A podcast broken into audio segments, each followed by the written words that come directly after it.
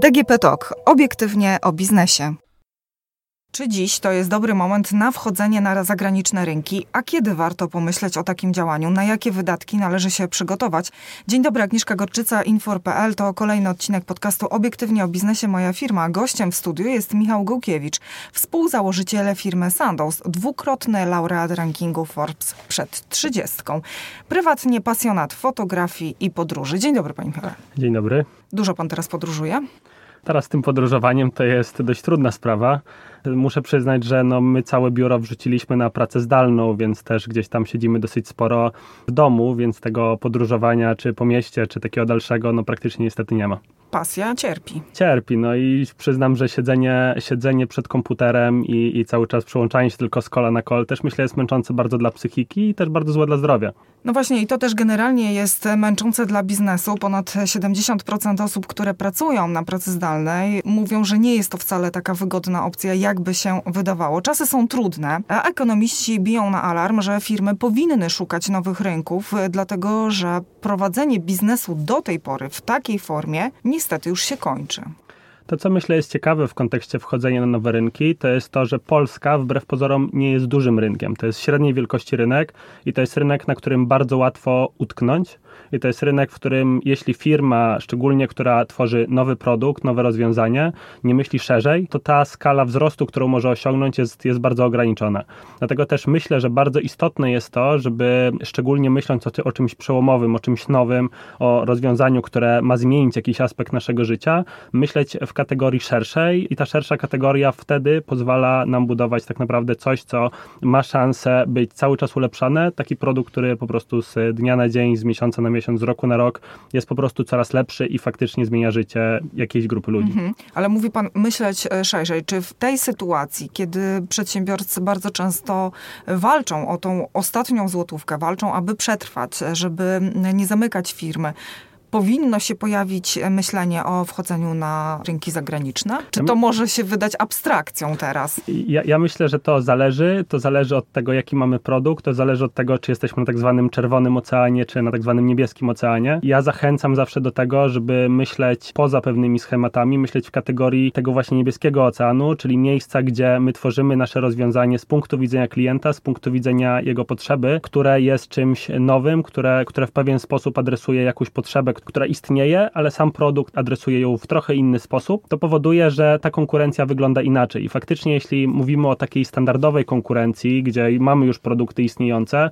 to tam jest często, powiem tak, może trochę skrótowo, walka na noże, tak? Czyli jest bardzo ciężko się wybić, te marże są cięte i tak dalej, i wtedy faktycznie to wychodzenie na inne rynki jest bardzo problematyczne. Natomiast jeśli jakby zrozumieliśmy potrzebę danego klienta i w oparciu o tę potrzebę tworzymy produkt, który ją adresuje lepiej, i to najlepiej dużo lepiej, jakby to się udało, wtedy myślę, że absolutnie kluczowe jest to, żeby myśleć właśnie szerzej, tak jak powiedziałem wcześniej. A jakie branże powinny się w tym momencie zainteresować tym myśleniem o rynkach zagranicznym, modyfikacją produktu, może nowym produktem? Myślę, że przekrój branż jest bardzo szeroki i to tak naprawdę trochę zależy od tego, jakie są potrzeby na danych rynkach. Powiedzmy, branża uważam, która absolutnie powinna w ten sposób myśleć, to jest branża IT. To jest branża, w której mamy powiedzmy deweloperów, którzy lepiej, jeśli będą świadczyli usługi na przykład firmom w Stanach i bardzo dużo software house'ów już na taki pomysł wpadło i mają deweloperów bardzo dobrych zresztą w Polsce, świadczą swoje usługi poza Polską, na przykład w Stanach. To jest jeden przykład. Myślę, że drugi przykład to są wszystkie rzeczy produktowe, czyli gdzie coś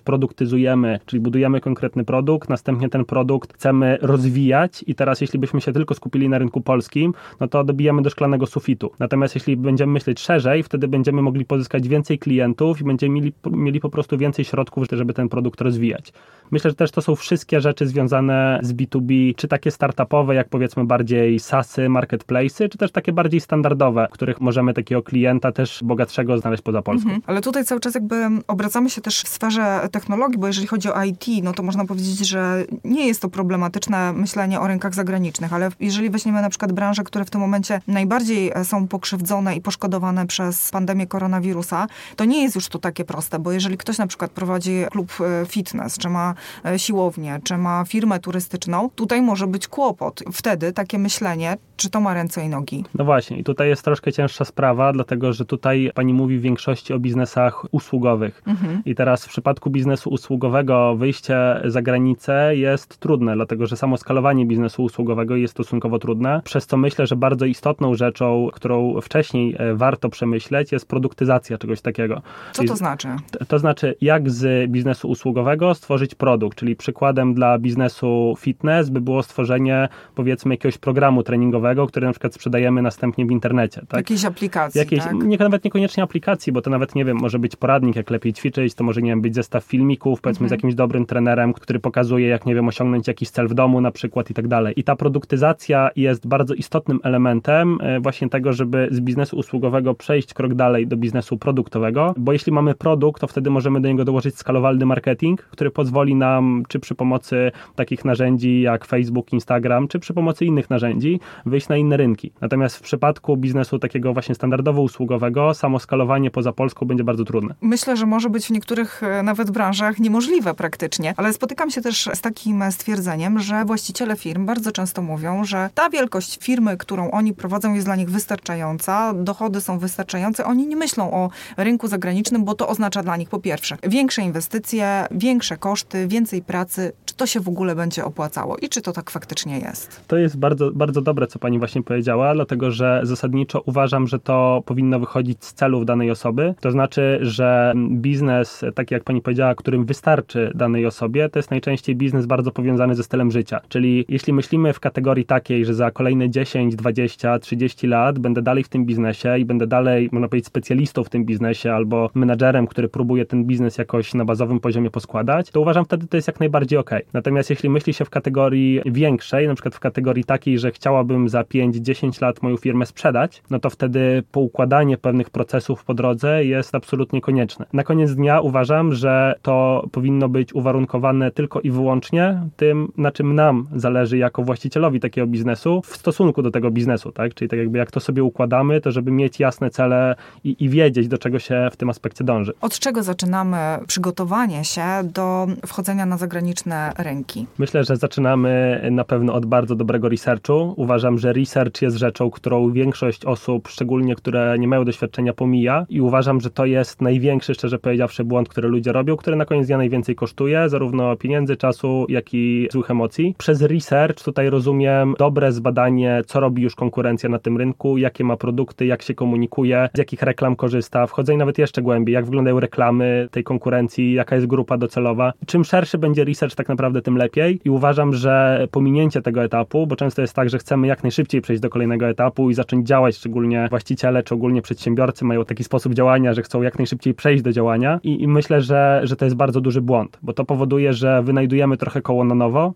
że myślimy w takiej kategorii, że y, my próbujemy tak jakby wszystko sami wymyśleć, gdzie większość rozwiązań na tym rynku już jest. I nawet jak część mamy jakąś, którą sami wymyśliliśmy, nie wiem, produkt jest powiedzmy nowy, to dalej da się go do czegoś przyrównać, do sposobów dystrybucji i tak dalej, które już gdzieś na tym rynku istnieją. Z Pana doświadczenia wynika, że jakie są dobre praktyki, żeby swoje produkty z powodzeniem za granicą móc sprzedawać? Myślę, że po zrobieniu właśnie dobrego researchu, czyli gdy rozumiemy już, gdzie jesteśmy na tym rynku i jak powinniśmy pozycjonować ten produkt, komu go sprzedawać, jak on rozwiązuje problemy klientów, myślę, że następnie bardzo istotne jest to, żeby zastanowić się, jakimi kanałami chcemy go sprzedawać, jak on będzie dystrybuowany już w konkretny sposób. Oczywiście wcześniej zakładam, że mamy ten produkt, tak? czyli że ten produkt już istnieje, że on jest jakoś przetestowany na przykład w Polsce, tak? czyli mhm. że jakoś z powodzeniem go sprzedajemy w Polsce i tak jakby jakby z takim produktem wychodzimy wtedy na rynek poza Polską, bo też może być tak, że ktoś od razu zaczyna tak jak bez produktu, więc na początku wtedy w takim przypadku pro, zrobienie produktu by było absolutnie kluczowe. Natomiast zakładając, że ten produkt już jest, wtedy po zrobieniu researchu na danym rynku musimy się zastanowić nad tym, jakimi kanałami go sprzedawać. Tutaj w zależności od tego, czy mamy e-commerce, tak jak, tak jak w moim przypadku, tak, gdzie, gdzie my skupiliśmy się na e-commerce plus performance marketingu w social mediach, czyli takim digital marketingu,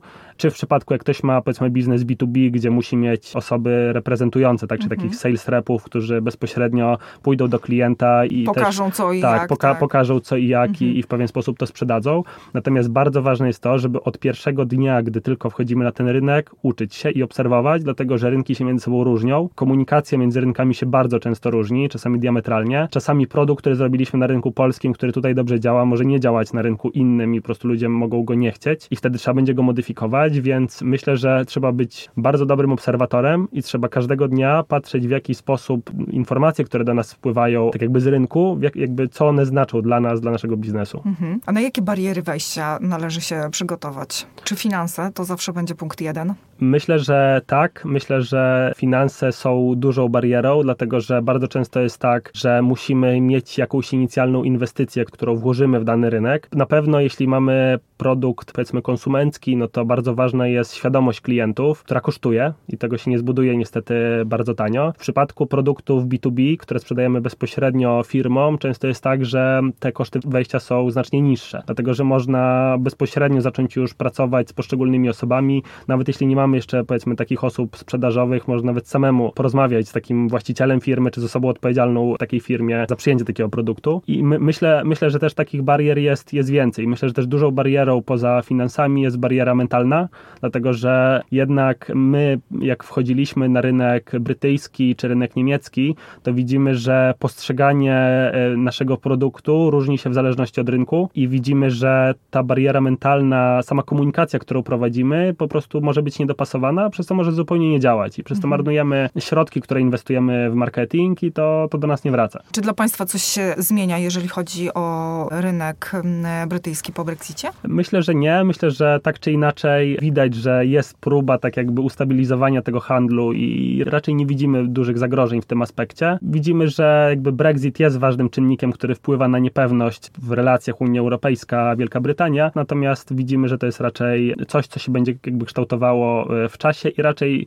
szacujemy, że jest niska szansa, że tam będzie coś złego, takiego bardzo złego czy bardzo dziwnego. Które do tego poziomu przedsiębiorców, tak i tego... Tak, e, jest, jest po prostu za dużo powiązań już e, między tymi krajami, czy między nie wiem, czy Wielką Brytanią, a krajami Unii Europejskiej. Żeby mogło to tak, się Tak, żeby to tak zupełnie się rozeszło, mhm. więc widzimy, że to jest raczej gdzieś tam do zarządzania. Czy inwestować w marketing przy współpracy zagranicznej? Co pani przez to rozumie? Czy w, w marketing e, rozumie pani tak jakby w same reklamy? Po pierwsze, na pewno w reklamy, ale też w promocję produktów, mhm. w badania, we wszystkie działania w social mediach. Jak, jak to państwo widzicie? Myślę, że to inwestowanie jest absolutnie krytyczne. Myślę, że jeśli nie jesteśmy gotowi na to, żeby zainwestować tam jakieś środki, to nie powinniśmy tego robić. Mhm. E, w ogóle jakby wchodzić na ten rynek, bo to znaczy, że to może być za wcześnie. Niektórzy marketing traktują po macoszemu, że to jest rzecz dodana, ale bez niego też to powinno pójść. Na pewno dobry produkt pomaga. To znaczy, jak ma się dobry produkt, który ludziom się podoba, to na pewno marketing jest tańszy